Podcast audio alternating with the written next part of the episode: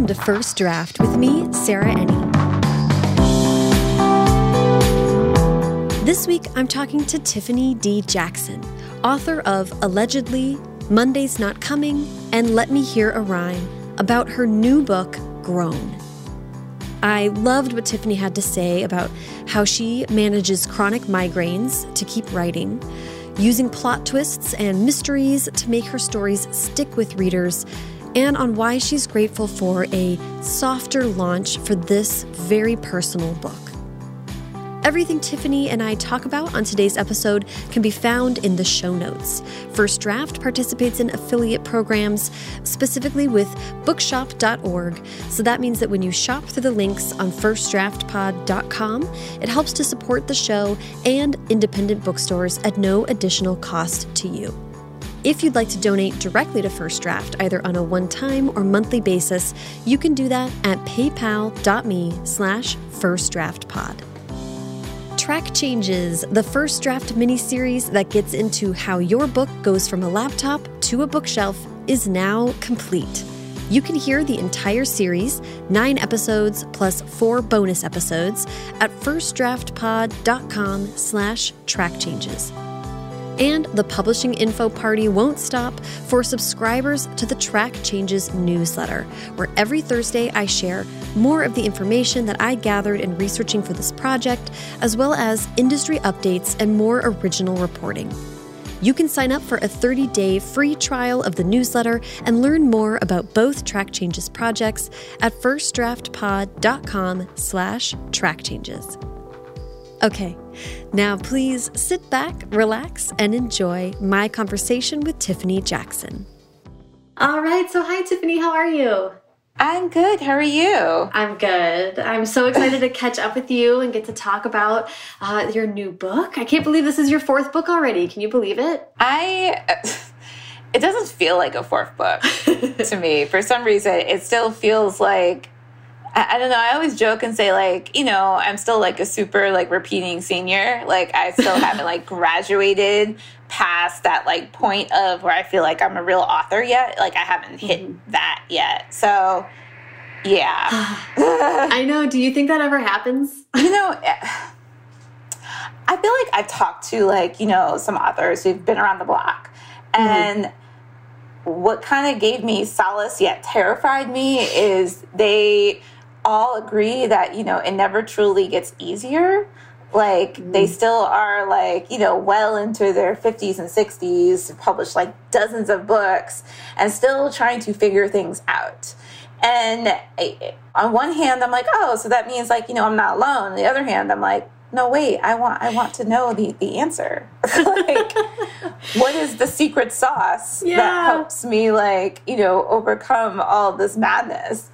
So I mean, I guess that that is an answer in itself. That you know, does it get easier? I'm sure it does in some ways. Some and in some ways, you stop caring as much about like opinions of others or criticism and stuff like that. But at the same time, it's like right. Man you you want to know this stuff.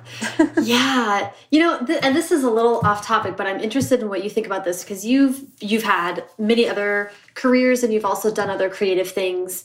I was thinking the other day you know we've all had too much time to think with being quarantined in our homes and alone with our work a lot of the time but i was thinking about that writing is one of the things that forces me to go to the furthest like the um I'm, I'm obviously still like thinking through this. It's like max brain usage for me. Like writing an entire book is really me maxing my brain out, like taking the tank all the way to zero. Which is yes, which is to your point, like one of those things where when people say it's always that hard, I'm like, well, that is why we do it, right? There's something in us that's hardwired to want to use the full like power of our brain, but also that is extremely hard to do. Yes, I, I, you know, I was just actually talking to someone, and I can't remember who, about the idea of writing, particularly for me, like, you know, I suffer from chronic migraines. And so using my max brain power to write these books in between like dodging and diving away from like, you know, bouts of pain at the very minimum 14 days out of the month is, is truly exhausting. So when I do have times when I'm not in pain and I don't have something to write, I cherish that time. Like I mm-hmm. literally sit and I don't do anything. And that is so incredibly important. This is a big question. You don't have to get into it if you don't want to, but how do you manage migraines? How does that manifest for you and how are you balancing that? It's definitely a lot of medication. Mm -hmm. I take a monthly like injection shot to sort of curb it. There's also just like monitoring, like, you know, my stress levels. And mm -hmm. I mean, I definitely get massage therapy because it comes from basically my neck and like spat neck mm. spasms.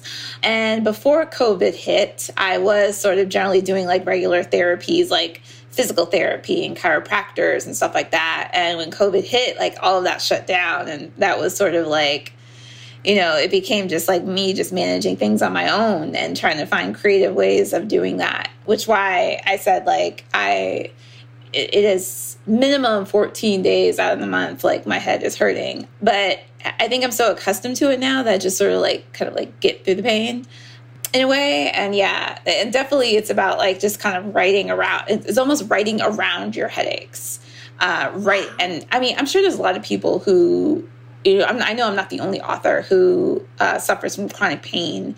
And, you know, God bless them, quite frankly, because there's so many different types of chronic pain and so many mm -hmm. different type of levels. And, you know, just seeing the way that people actually work through them and put out entire books and tour and everything like that. Like that is that is something. I do that's actually a really great transition because i want to kind of talk about uh, the last time you and i were able to chat and listeners should know that we have sat down and talked before. So if they want to hear about where you grew up and how you came to writing and your early work they can listen to that. They can and should and i'll put a link in the in the show notes for that. But we talked when you were supporting Monday's Not Coming, your second book, and since then you've you Monday's Not Coming came out and you released Let Me Hear a Rhyme, and now you have your newest book, Grown, coming out.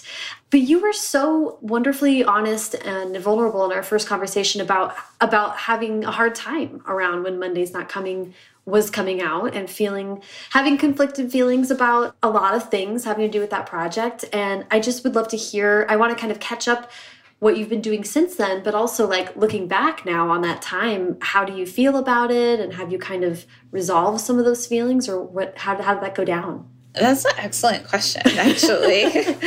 um, well, to be honest, um, so many things happened after Monday's Not Coming came out. It felt like like it the book kind of exploded like it was like a soft explosion that i wasn't aware was actually happening or would ever happen because if you haven't heard in this podcast before uh, second books are incredibly hard to write and when i did write monday um, I, I, definitely wasn't a fun because I didn't feel like the book was very good. And, uh, but that actually ended up being the book that got me so much acclaim and awards. And I wasn't expecting that at all.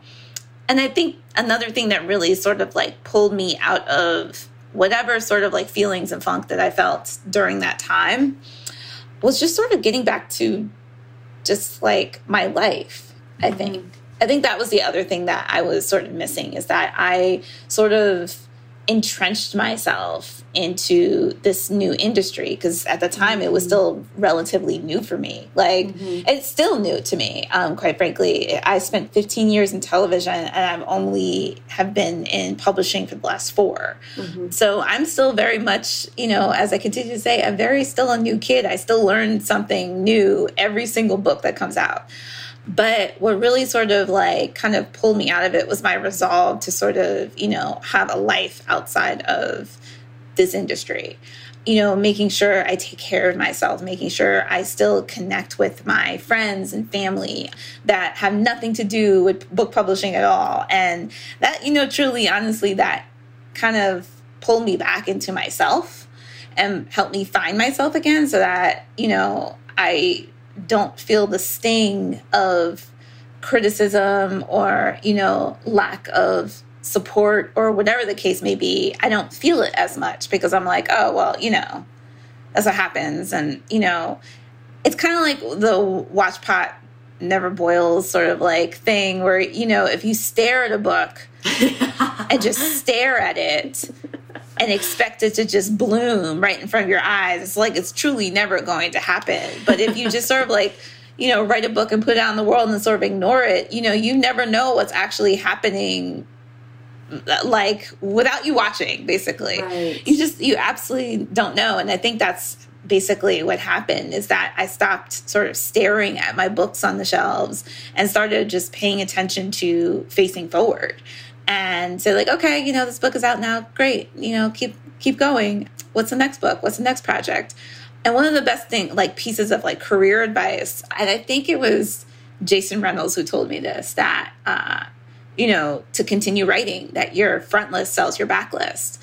And honestly, that was one of the best pieces of advice I ever got because once you told me that, it's kind of like, you're right. Like, anytime you pick up a new Tiffany Jackson book, you're going to be like, oh, what else did she write? And then you find yourself looking at all these different books. So no matter what, there's a book sale there, there's a new reader there to yeah.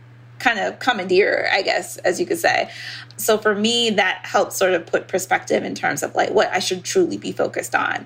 And like they say like you are literally going to be marketing your book for the rest of your life. Like on your tombstone it's going to say author tiffany jackson and it's going to list all your books. Like literally that's going to be your last words.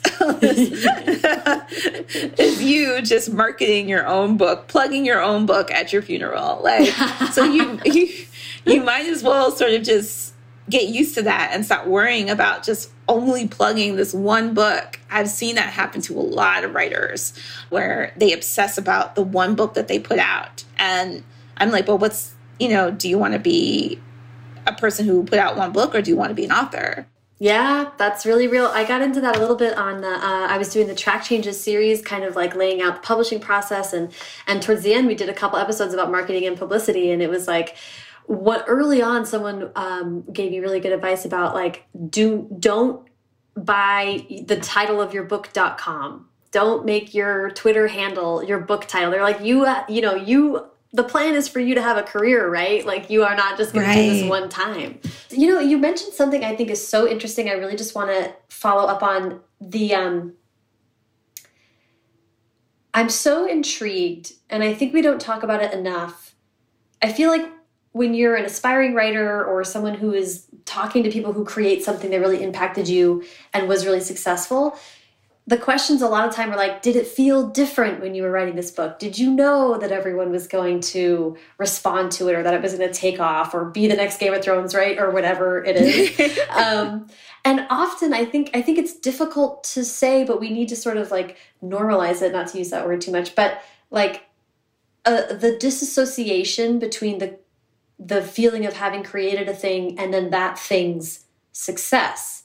You know, to your point with Monday's not coming, like you didn't feel like, oh, finally the world will recognize my brilliance, you know? and then when the world did recognize your brilliance, it was like, ah, you know, you don't always like sync up with that feeling. It wasn't the book I was expecting uh, for people to acknowledge, like my quote unquote brilliance for. And that's always the case, honestly. It's the book that you it's like the book of your heart is usually the one you expect to like explode because you're like i put my heart and soul into this book. Obviously you want it. Obviously you know everyone's going to want to read it etc etc and that is not always the case. And it's not even so much about and sometimes it's not it's nothing that you can do. It's it's obviously it's, it's the right time right place right season these books come out but that's i mean and that goes back to my whole the my whole spiel about you know always continuing to move forward because someone's eventually going to find that book. So now i always say that one of the my like my favorite book that i wrote is let me hear a rhyme. Mm-hmm. and out of the three books that i have out so far like that's the least selling book. And maybe because it's you know not really what people expected from me. It was sort of a pivot in terms of like um, the thriller aspect that they wanted, but mm-hmm. it was very much a story of my childhood, and you know, I I completely love that book. And the thing is, it didn't get a lot of a lot of attention at the time, other projects were out like you know different things actually happened and you know it was it was rather disappointing but then you know as time goes on and now i have this new book grown coming out in like a couple of days people have stumbled across let me hear a rhyme and have sort of started reading it and saying like oh my god i love this so much and this is literally like over a year since that book has been out so that's what i mean by like you know your readers will find you eventually. You can't just like sit in the middle and just think like, you know, or, or like go searching for them. Okay, well, you sort of just expertly brought us uh, to to Grown. But before I ask uh, more specific questions about Grown, do you mind pitching that project for us? Sure. So Grown is about a 17 year old aspiring singer named Enchanted Jones who is swooned by a legendary yet older R&B superstar with promises of fame that leads her to turn against her family and friends until his body shows up and all fingers point to Enchanted. And now she has to find the voice to bring her basically her abuse to light. I want to I have so many things to ask about this but I and I and it is a story that is really personal to you. So I want to start by asking. Obviously, you can talk about this as much as you feel comfortable, but you said in the author acknowledgments that this is a this is a subject matter that's very personal to you, and you talked about having an experience of your own with dating someone who was older and kind of coming to terms with that a little bit later in life.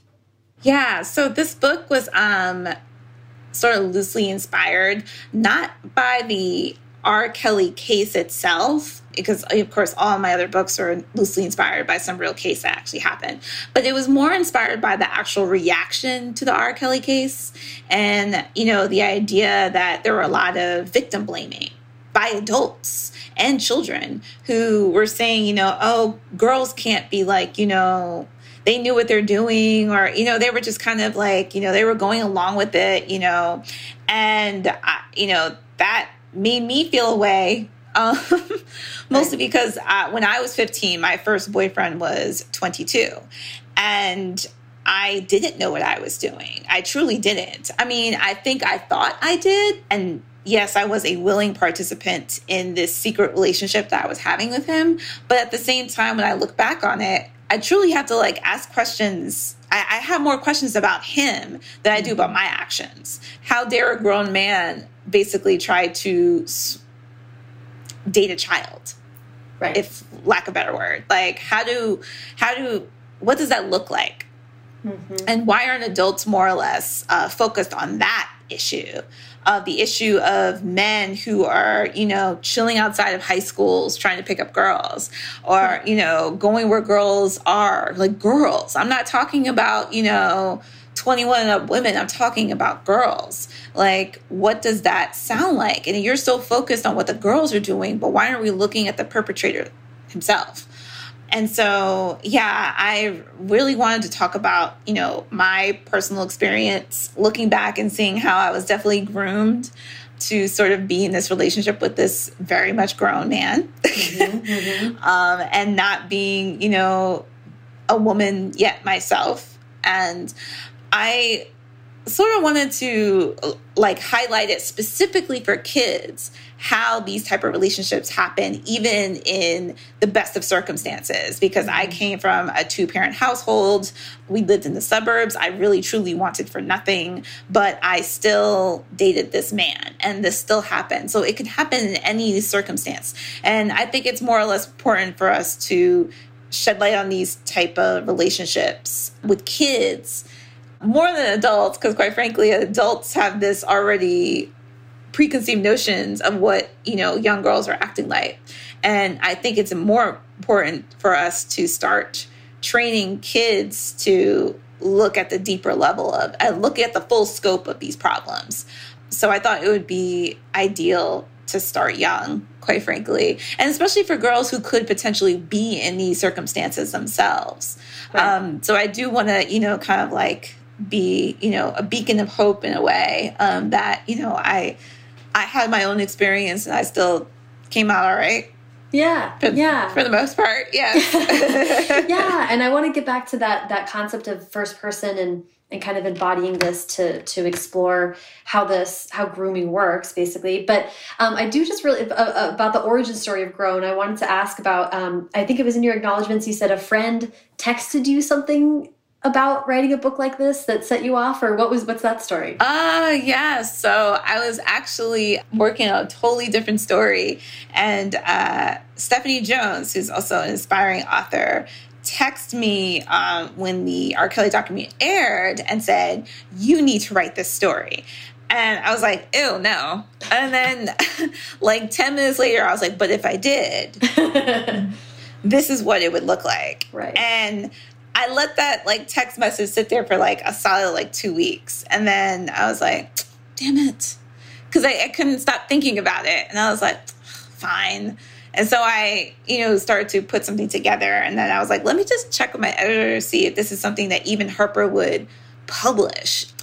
Because this is sort of a type of topic that some people, truly, honestly, before the Me Too movement, people really shied away from these type of com- type of controversies um, because it put the, it puts a lot of people on Front Street and it makes a lot of people uncomfortable. And it's not even just the perpetrator it's the machine around them that protects them as well too. And we all are sort of a part of that. And so i checked with harper and they were totally like on board and they have been incredibly gracious and uh, supportive of this book honestly from the you know from the very beginning and i was worried because you know it is this is a rather personal story, and I would hate to put my own personal kind of pain out on display and it not be fully supported. So I am incredibly grateful um, to Harper for being, you know, having my back here. Yeah, that's incredible. And and I mean, it, it you. I want to know. I'm sure I don't know if you think of yourself this way, but I do think of you as a writer who is who bravely kind of tackles these. Uh, you tackle a lot of difficult topics, right? So me from the outside, I'm like, well, yeah, Harper's like, oh, Tiffany's back in the game, like writing about difficult stuff. But uh, but you never know. Every time, you just want to know yeah. that you're with a team that gets what you're doing. Yeah, like I, I mean, I am aware that I definitely um, hit issues in every book, and um, I I definitely am not a soft ball, or I definitely play hardball uh, in all of my books. But this one, I just felt like it was so um, there was so much sensitivity around it, and. Yeah. I, you know, I just worry. I still worry. I mean, even though we are very much in this, um, in the midst of this Me Too movement and in the midst of getting people to truly believe victims. And there is a lot of forward movement with that. There is still you know the potential for you know people to kind of placate and pretend you know allies. Like oh yeah we believe you. And oh yeah we're going to support you. And you know blah blah blah. Like and you know just kind of play pretend that mm-hmm. they support us but then later on like completely forget that this person potentially uh, right. did something harmful. And right. I think that is, um, it sucks to kind of be in that position, especially as a black woman, to feel like you just truly don't know. Like you can never truly trust anyone's motives, quite frankly. Right, right. Or commitment. Yeah, yeah. Let's talk about the um, I'm interested in you. Kind you said that after kind of having the the seed planted, you let it sit for a little bit, and then came up with your approach or what might be the way you'd want to tackle the subject matter. What were you thinking in that process? How and how did you? I, I'm thinking from the point of view of, of maybe a writer who's interested in tackling a subject like this that's personal to them how you think about translating your feelings about something and wanting to address it a, a, really important social issue, but you have to put it in a story and make a narrative and characters. How did you kind of think through that process? Well, to be honest, this actually was like one of the harder stories I've had to work on. Um, and simply because, you know, I, am such a research junkie. All my other books were like heavily researched. Um, there were interviews, there was um, hours spent in libraries just to get like one detail down, um, uh, going through archives and stuff like that. With this particular book, even though it was loosely inspired, you know, upon you know a case that actually happened and my own, you know, kind of like situation, there wasn't much to go by. Um, which sounds strange, but when you think of something like this, this story sort of evolved more from a he says she said type of situation. Um, it is incredibly hard to sort of like get those details down. Mm. Um, so yes, there was a lot of information, but it wasn't like concrete and it was ever changing. In fact, like mm. a lot of like throughout most of writing this book, R. Kelly was being like rearrested and transported and thing and like new charges was coming up every single time I'd like finish a chapter, like something else would happen. And I would just be like, uh, uh, okay. So I really had to go off of my own feelings of how I was feeling in terms of how I felt while I was going through something similar and the changes I kind of you know, went through in my life. So I definitely, you know, stole like some pieces of me and applied it to this book and, you know, told this story and, you know, talked to other victims. Because uh, one of the things that, you know, we realize and even from watching the R. Kelly documentary and also just from other cases as well, is that most predators are one trick ponies you know they all have the same mo of what they do and so it's almost like they all, and it, this is going to sound warped, but it almost sounds like they all went to the same school. Right. The same, like, kind of like reverse psychology school, or they all are reading from the same book. So it was actually quite easy to apply everyone's sort of the tactics that all these other women and myself included have heard and apply it to this character. Uh, so that was sort of the way I started it was sort of basing it on real tactics that's actually happened or actually occurred. So that's really like how I targeted this book. And for those who are interested in writing like personal stories, I, I say take great care. Hmm. I know some people it takes them a really long time to write something like that's like deeply personal to them. And I'm not the type of person who likes to sit in my feelings whatsoever. So I wrote this book incredibly fast. Like I wasted no time. I just let myself wallow in it for like a, a couple of weeks and I was like, okay, that's it. Um, and then everything else after that was editing. So you can either take my method, which is like don't sit in your feelings too long, or you will you will don't pitch a tent in your feelings. Right. Don't start building a house there. um, literally just hike through that dark forest and like, you know, get the hell out of there. And that's my personal preference because I don't like to, to feel feelings at all. Um,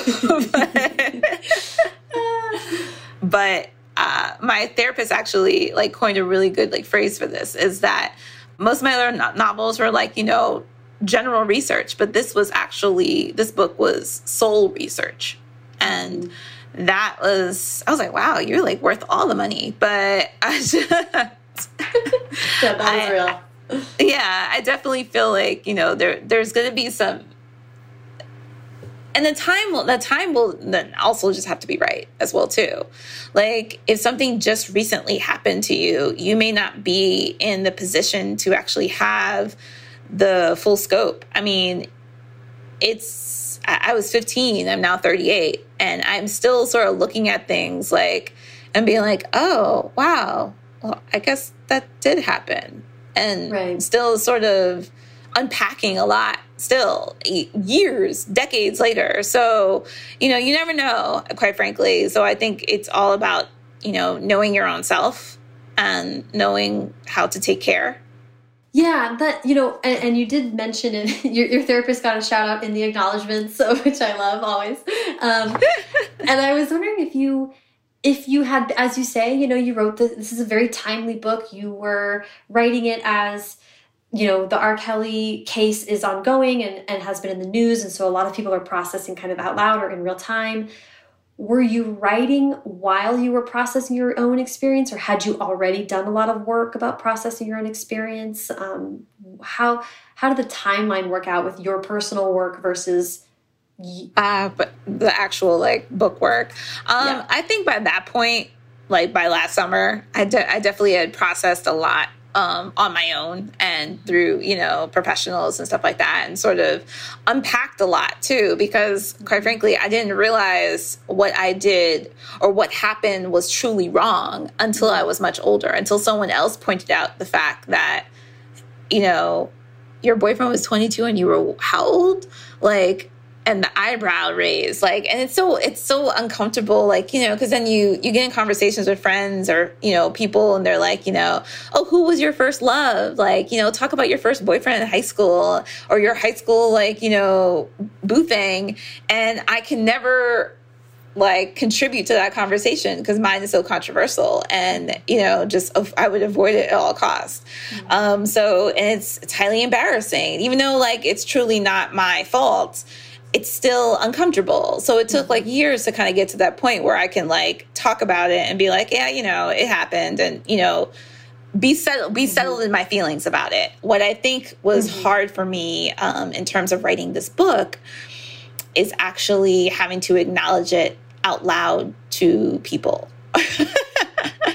um, to actually talk to actually talk about it like in the universe and not just like you know with a, a small core set of friends and my therapist.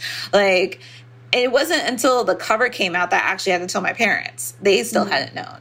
So, and I only told them because the cover was revealing and I was like, well, no, it's too late now. Turn back. like this is happening. Yeah. Yeah, this is happening. So let me just tell them now. And they were actually uh, incredibly supportive and um, understanding of, you know, everything I was going through and you know, I, I, give my parents a lot of props because, you know, I was definitely, it's, I, I, was definitely an interesting child to have.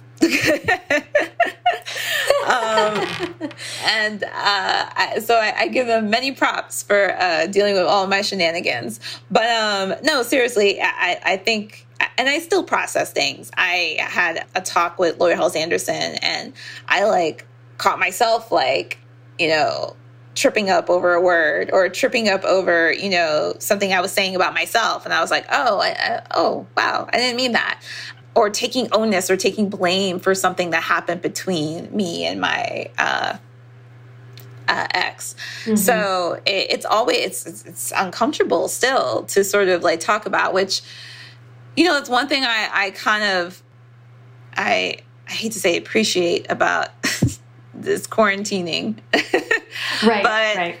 I, I, I definitely appreciate the fact that, you know, I'm softly launching into the universe with this story. That, you know, I'm not being shoved in front of like crowds of people and having to talk and filter questions and stuff like that. Like, all of this is digital. So I'm not feeding off of other people's energies. I'm very mm-hmm. much like, you know, there is a there's a barrier between every like interviewers virtual like there's a barrier yeah. that kind of helps protect me until I'm like fully ready to like kind of walk out on stage and share this story. Even though there's still a lot of eyes, still a lot of digital eyes, it still isn't the same as being like, you know, an auditorium facing all these children and explaining yourself. Right. Yeah, that's so huge. And that's such an interesting point. All the psychology at play with what we're going through right now. There's everything's just different, right? I find myself saying the same thing. I'm like, I'm not going to say silver linings. There's not, that's not what, what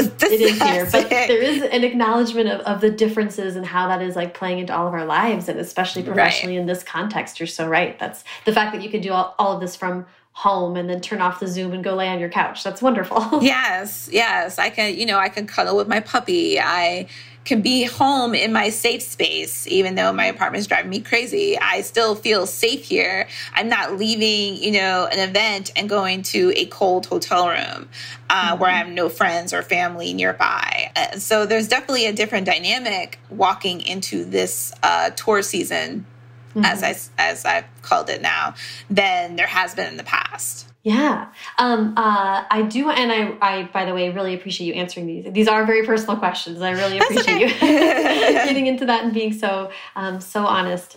So I want to ask about about Enchanted, the main character of Grown, and approaching telling her story. You know, as you say, like, you know, a big, a big. When we're talking about this topic, we're talking about grooming and how subtle and gradual and and explicit and manipulative the behaviors are of these usually men who are manipulating young girls. And when you, as the author, are there in first person with Enchanted, it's so powerful. So it's powerful to write in first person in that context. So, how did you think about that? And how were you kind of thinking about the narrative structure and how and pacing? I mean, I'm interested in all of that. Oh, so so originally I um started out, I wanted this to be a very like succinct, short, sweet novel. Um, so I was like, I'm gonna write it in verse. And then like a week into it, I was like, oh, I am no Elizabeth Acevedo or Jason Reynolds. Let me sit my ass down. and then I I started as vignettes and when you write vignettes, like you know, every vignette is like its own chapter, and there was like mm-hmm. 200 chapters at one point, and I was like, oh, this is too much. Uh, so I just started to like compact and compile everything, and I think there's about like maybe 90 chapters in mm-hmm. this, and they're all like pretty short, like you know, maybe the longest being like six or seven pages. So, but my my goal was to kind of like make this a short story to make this sort of like like small stabs mm-hmm, like mm-hmm. just every single like chapter being like a small like prick at you mm-hmm. and you know I, I do that on purpose I, I want you to remember all like the elements of the story so when like you know a something big is revealed or whatever you remember it because you should remember all the other little pricks that happen along the way mm-hmm. uh, so I guess that was somewhat purposeful. But yeah, the the structure of the story really came from the genesis of it came from wanting to write a book in verse and completely failing. that is fascinating. I do it, that's so interesting that you say that because I can of course see that now thinking the chapters it's very propulsive because the chapters are quick and and very yeah, they build on each other like little blocks. It does have a vignette feel to it. Um, yeah. And I would I wouldn't necessarily have found that word unless you unless I heard about this. So that's so interesting. And I, I did I read about um, in an, you had an interview where you talked about plot twists. You are kind of known for plot twists, and also you write kind of thriller or uh, borderline mystery. And there is an element to that in this. There's kind of a murder mystery element to it. But you, uh, I, your interview, you said when writing books with such important topics, you want that book to really stay with people. Techniques like plot twists or really shocking endings help accomplish that. So that kind of sounds like what you're saying. Like, how can the reader really, how can this really stick with someone? Yeah. Like, I don't know. I always, I remember being younger and reading books that if they weren't like full of beautiful prose that literally like took my breath away, they were just like they were like the teacher Charlie Brown, like trying to like you know talk to me, and I, like I didn't hear anything much from it. Like nothing stuck. It just went in one ear out the other, and like there. And I, I hate to say it, but a lot of people always ask me like you know who's your favorite character, you know in um, literature what's your favorite story and i'm like man i cannot i cannot remember because i read at a pace where it's like okay i'm done with the story move on like mm-hmm. there's not much that has stayed like unless maybe there was and you know this is somewhat cheating unless there was like a, a movie to accompany that book and especially since I have a film background, of course I'm going to remember more from the movie because I probably deconstructed that movie and criticized it to like the nth degree. So, so yeah, I'll remember that.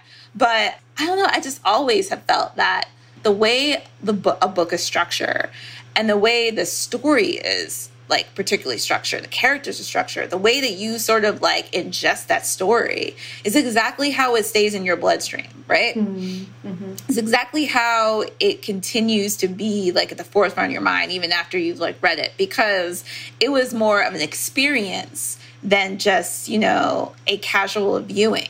Like mm-hmm. you were actually an actor within a play versus you just watching something on a screen. And I think that's like that's what makes books so exciting like that visceral feeling you have you were you were like yo i was running with enchanted at some point in the middle of this book or i was if i wasn't running with enchanted i was standing in the corner yelling and screaming at her to get out or that he's crazy and stuff like that like you were a personal like you were a person in this book.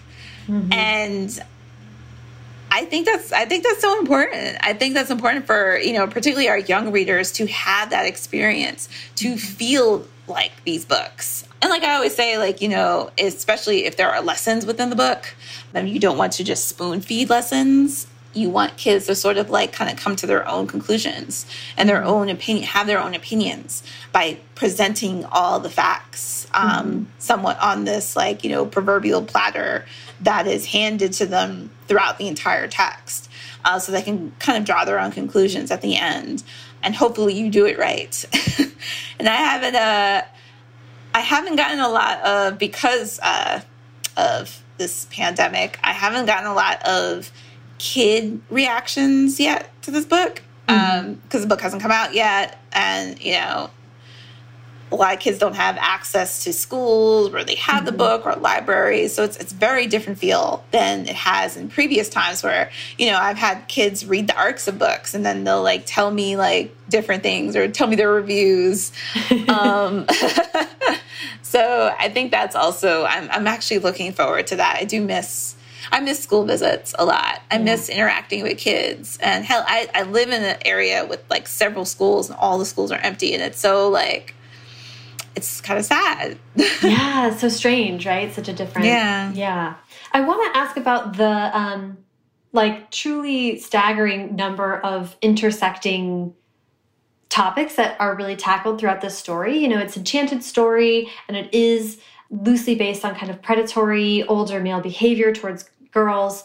It's also very much about the fact that Enchanted is a young black woman. It's also very much about the fact that she is new at a, at a mostly white school and about her being a young, ambitious woman. I mean, there's so much going on in the story. I, would love to just hear how, I guess I, I don't necessarily even have a specific question about it. I just am interested in like, did you know you wanted to tackle all of that? Did you ever get tempted to really narrow it down to one intersection of? I mean, how did you feel about presenting so much to the reader at the same time? Ooh, so that's an excellent question. um, uh, I think a lot of times I feel like if you have a person's attention, like you just need to give them everything.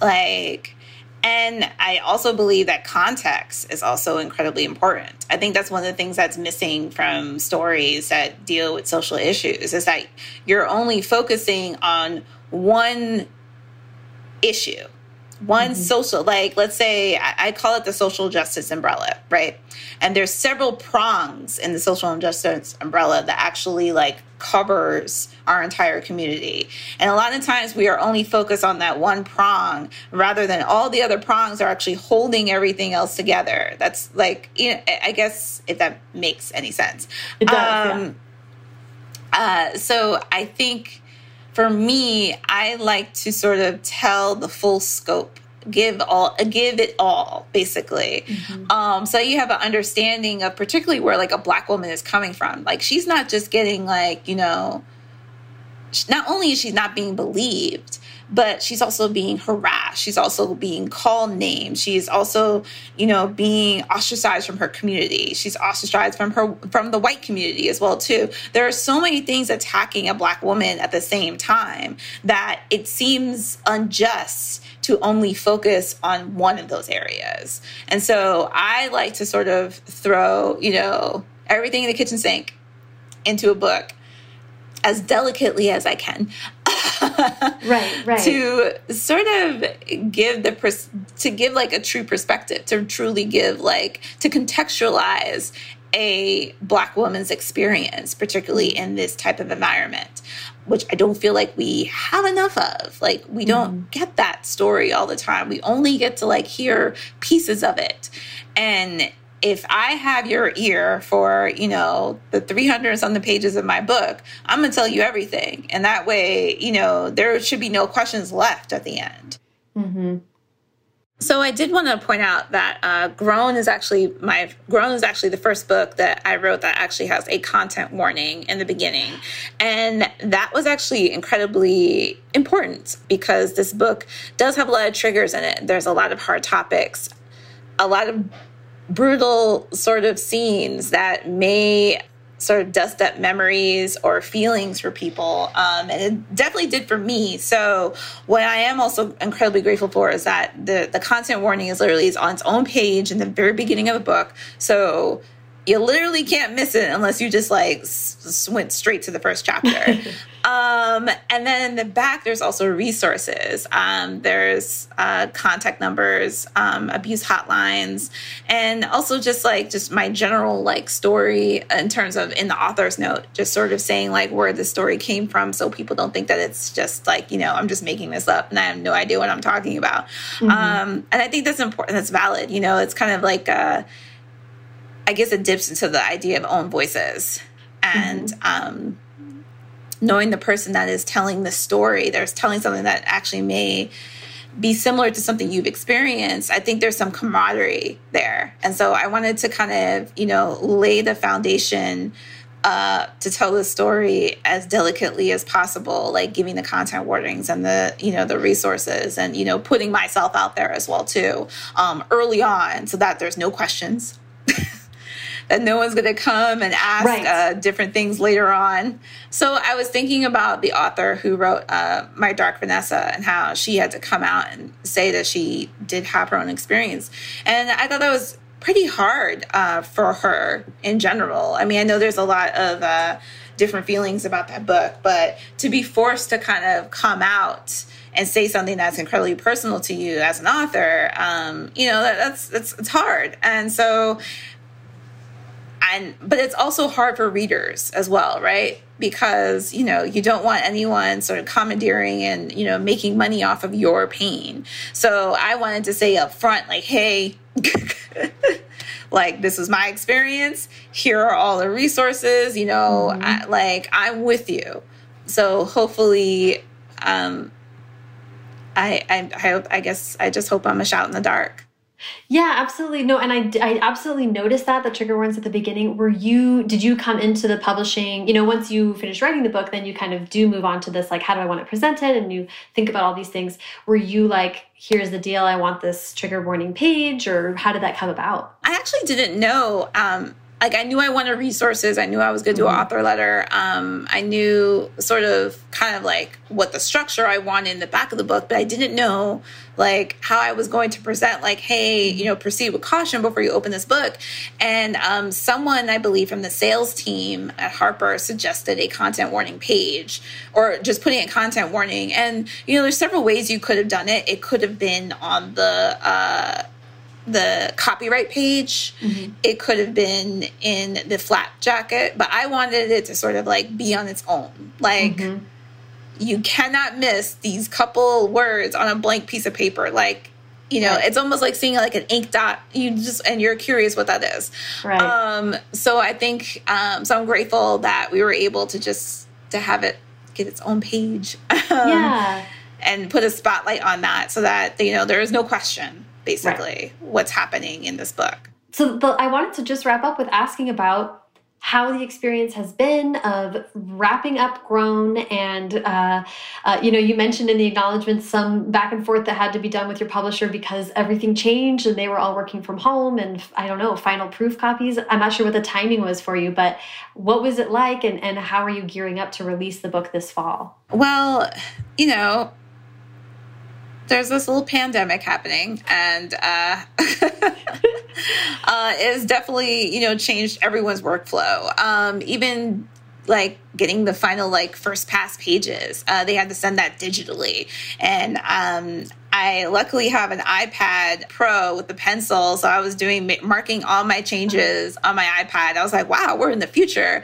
Like I was signing contracts digitally. I was like everything was a Zoom meeting and just kind of going over, you know, marketing plans that we originally had in March completely changed within like four weeks of that. So it was definitely a lot of changes. And so I, I definitely um looking at the like looking at the Harper team, quite frankly, um, I'm like, yeah, you had to you had to jump through some hoops, like you know, just to still kind of make this work. And so, and it's been a phenomenal experience, and everyone gets to do this from home. Like, you know, I'm I'm very appreciative of it, but um I think it has been, uh, I've, I've gotten a lot of support from the book community as well. And that means a lot, quite frankly, um, especially when you're reading something that's so personal and putting out something that's so personal and to be surrounded by so much like loss and so much trauma in the midst of putting out a book that is highly traumatic from a highly traumatic experience like you know there was a lot. Um, the, the biggest thing that i could say that has changed for me is how i sort of dealt with everything quite frankly. So my I think before, like, you know, especially like the last book, like Let Me Hear Rhyme, I was like everywhere. I was like trying to get interviews. I was going to bookstores. I was signing. I was doing everything. Here, I can do nothing. I literally just had to have faith that everything is going to work out. And mm-hmm. that is, that has been my biggest lesson in all of this. It's just a let go and let God type of thing. And so that has been my, saving grace to my sanity. It's like, I don't know what's happening. I have no control of anything that's happening. I could just only sit here and just move forward and keep swimming. And so I, I think that has been the biggest change between all my other books where I'm hustling and bustling to this one where I literally am sitting on the couch with, you know, cookie dough and watching Netflix and, and doing everything from home with a puppy who, you know, is like having a toddler. And so I just, at, at, this point, I, I feel like I've had to just sort of go out on faith, which is really hard for a type A, wants to control everything, wants to know everything type person. Here, I've just had to just kind of accept and just be like, okay, this is what we're going to do. Right. Or this is what's going to happen. Like, right. there's nothing I can do. This is what's just going to happen. So, um, yeah, I guess that's the biggest thing. And so I'm hoping, you know, in the future, I could take this sort of affirmation with me. Mm-hmm. Um, so I'm not overly stressing about things that I simply cannot control. And you yourself as an author, like, I mean, you know this, like, there's only so much we can do and at some point we just have to like let our babies like kind of go and frolic in the wild and hopefully they'll be they'll be straight on the side. But yeah i guess that's that's the biggest thing that has changed. And you know I, I mean i hope for all like the aspiring authors or hell like all like the all my author peeps out here. Like it has been such like this has been one hell of a year but at the end of the day, we still have like a product that we put out that is still out in the world, like, mm-hmm. and will be there forever. And so I think that that's an amazing feat in itself. Yeah, I think that's wonderful. And I really am struck by by your using the word affirmation. I think that's really well said. I think there's of all the soul searching that's happening in this really, really, truly wild year, um, if you can find self affirmation anywhere in there, like hold on to that. And I think that will serve us with whatever, you know, whatever the world yeah. looks like going forward.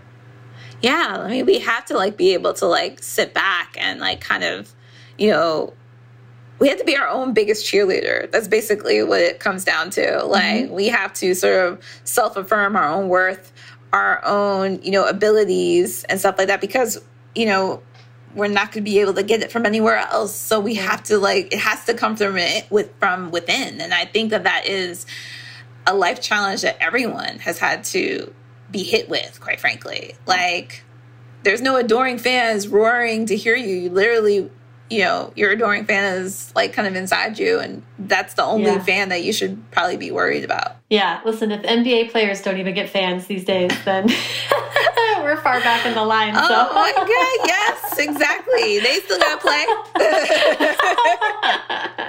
uh, well you know i like to wrap up with advice but frankly that was the best advice right there so i think that that's we can call it good on that it's a wonderful note to end on a really hopeful okay. one um, tiffany this was so fun to be able to chat with you i'm so grateful grateful for all your time today. Thank you so much. Thank you so much.